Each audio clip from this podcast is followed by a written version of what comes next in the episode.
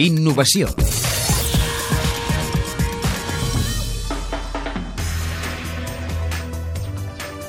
Nosaltres tenim un, un amic que és invident. Ens va parlar d'un dispositiu que el que feia és traduir text imprès a veu. Ell ens va dir que li agradaria molt tenir aquest dispositiu, però que el preu estava al voltant dels 3.000 euros i que no podia permetre'l. I vam fer una mica d'investigació, com funcionava aquest dispositiu, quines altres solucions n'hi havia al mercat i si nosaltres podíem fer un producte que fos més assequible. Al març s'hi van posar i al novembre Belén Rubio i Diego Pata van rebre el Premi UPF Empren.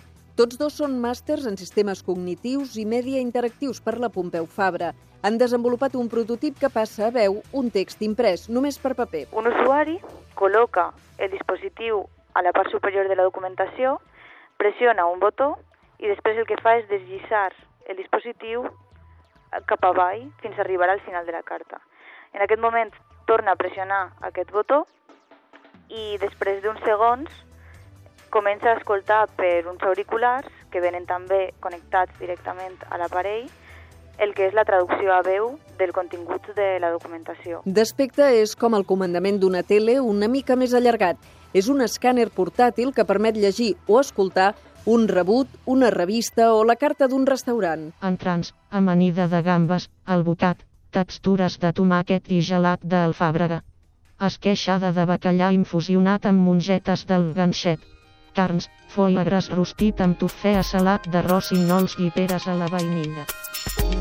Per fer-lo han aprofitat components que ja són al mercat i els han modificat. Belén Rubio ho presenta com si fos fàcil. El que hem fet és adquirir un escàner d'una tenda, un escàner de mà, adquirir un petit ordinador com el que hi ha als, als nostres telèfons, posar-ho tot junt i crear un software que fa que això pugui, pugui treballar junt amb una interfàs molt senzilla. El cost d'això és d'uns 200 euros enfront dels 3.000 del dispositiu equivalent que ara hi ha al mercat.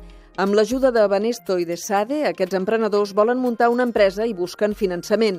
Un punt important són els compradors potencials del MyVoicer. Sobre això, Martí Batalla, el seu amic sec, ho té clar. Si només es redueix el camp de la ceguesa, és un camp molt limitat però és que també hi ha altres persones que tenen problemes de visió, com per exemple puguin ser la gent gran. I llavors el preu podria ser, entenc jo, més assequible. Valent Rubio i el seu company Diogo Pata volen que el MyVoicer sigui el començament d'una llarga història. La nostra il·lusió és fer una empresa de tecnologies assistives, que el que facin és ajudar a gent que pateix alguna, algun problema o alguna discapacitat.